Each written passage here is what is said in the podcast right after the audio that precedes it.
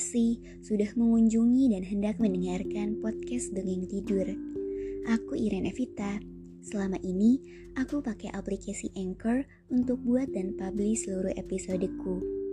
Kalian juga bisa loh download dan pakai Anchor untuk buat podcast karena 100% gratis dan bisa didistribusikan ke Spotify dan platform podcast lainnya.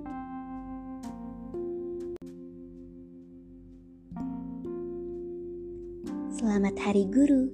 Apa kamu memiliki guru yang kamu suka, entah itu di sekolah atau di perkuliahan? Adakah guru yang menginspirasi kamu dan mempengaruhi hidupmu? Guru tidak selalu dari lingkungan pendidikan, bisa saja dari orang tua, tetangga, teman, atau orang asing yang tiba-tiba masuk ke dalam hidup kita. Tidak ada manusia yang sempurna, sulit mencapai kesempurnaan. Yang kita perlu lakukan adalah mengetahui bahwa kita ini masih berukuran kecil di dunia yang besar dan terus belajar menjadi pribadi yang lebih baik itu tidaklah mudah. Menjadi orang baik itu cukup sulit. Banyak rintangan yang membuat kita ingin mengeluarkan sisi gelap kita tapi itu adalah hal umum yang dialami oleh orang-orang. Kalau dari teori Carl Jung, ada namanya shadow, yaitu aspek dari kepribadian dalam diri kita yang kita tolak. Biasanya hal itu merupakan emosi dan pemikiran yang negatif dan bertentangan dengan norma maupun moral sosial. Ibarat melihat bayangan diri yang hitam gelap dan misterius di tanah, shadow akan terus mengikuti kita selagi berjalan menjalani kehidupan. Namun, kita bisa memilih mau berada di sosok yang disinari cahaya lampu atau mau kalah oleh sang shadow kita. Bahkan, guru kita bisa saja adalah diri kita sendiri di masa lalu. Belajar dari pengalaman ibaratnya. Kalau begitu, mari mendengar kisah Sultan Domas, pemimpin baik hati yang telah berjuang melawan shadownya yang bisa kita contoh dalam kehidupan sehari-hari. Selamat mendengarkan dongeng tidur. Semoga lekas tidur dan bermimpi indah.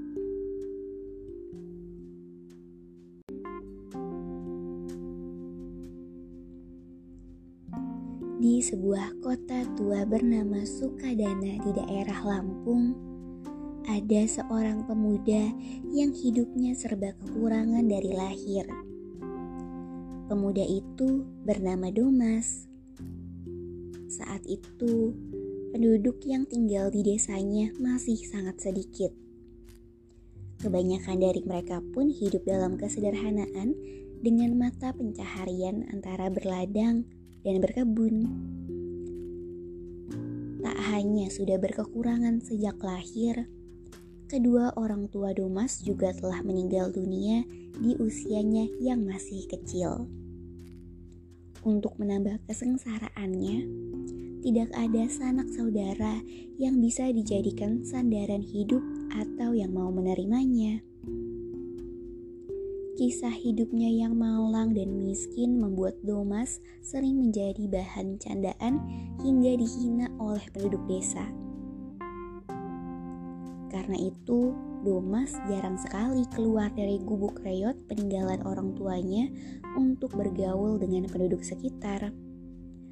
Walaupun demikian, tidak ada sedikit pun dendam di dalam hati Domas atas perlakuan penduduk kepada dirinya saat ia dikerjai atau dijahati, Domas tidak ingin membalas perbuatan orang-orang itu dengan kejahatan karena ia tidak ingin menyakiti orang lain.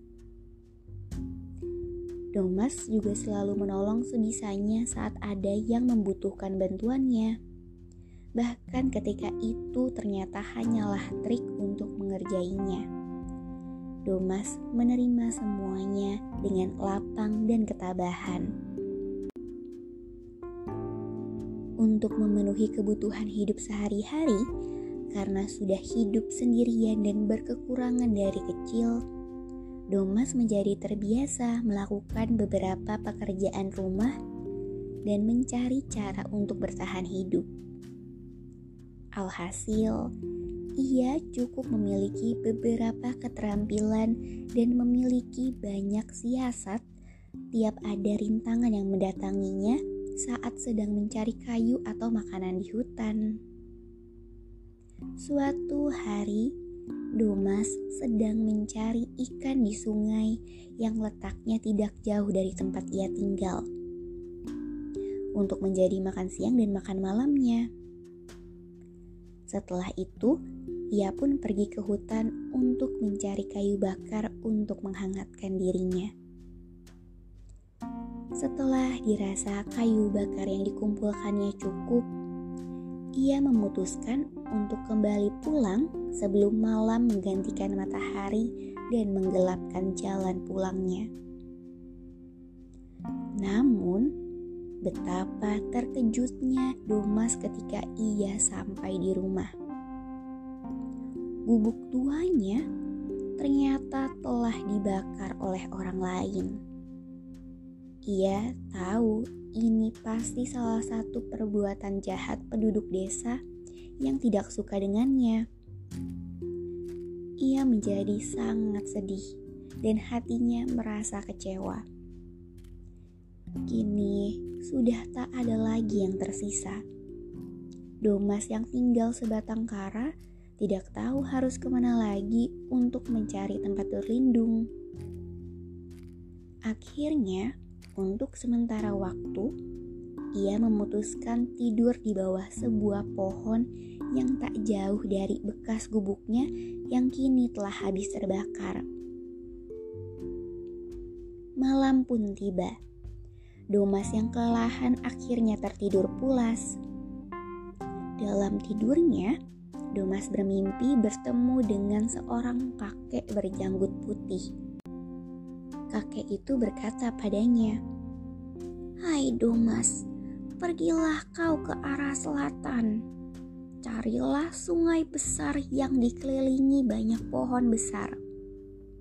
Jika sudah berhasil menemukannya, menetaplah kau di sana.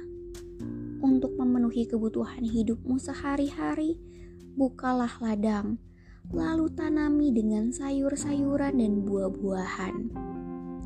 tinggalkanlah tempat ini dan mulailah kehidupanmu yang baru.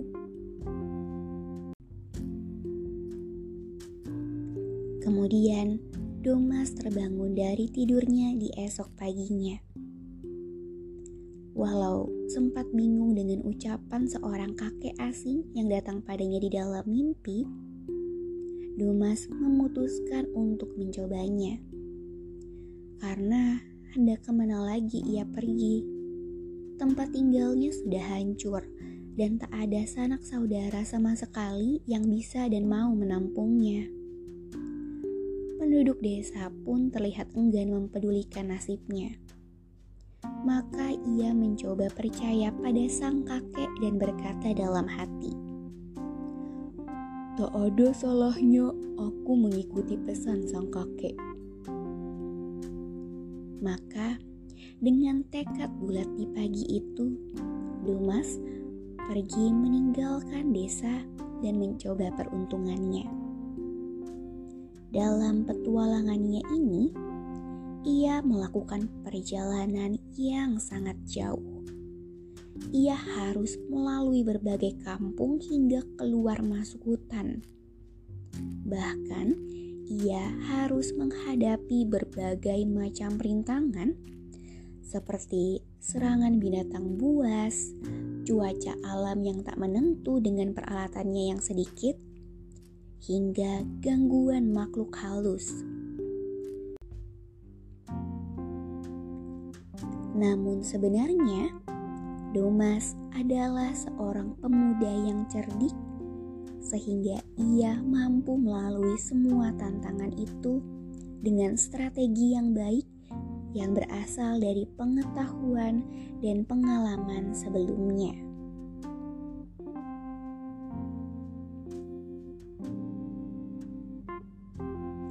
bagaimanakah kelanjutan petualangan Domas? Apakah Domas bisa sampai di tempat yang diarahkan sang kakek dalam mimpi? Mengapa seorang pria tua asing menyuruhnya ke sana? Akan ada banyak perubahan dan pengembangan yang terjadi pada Domas berikutnya.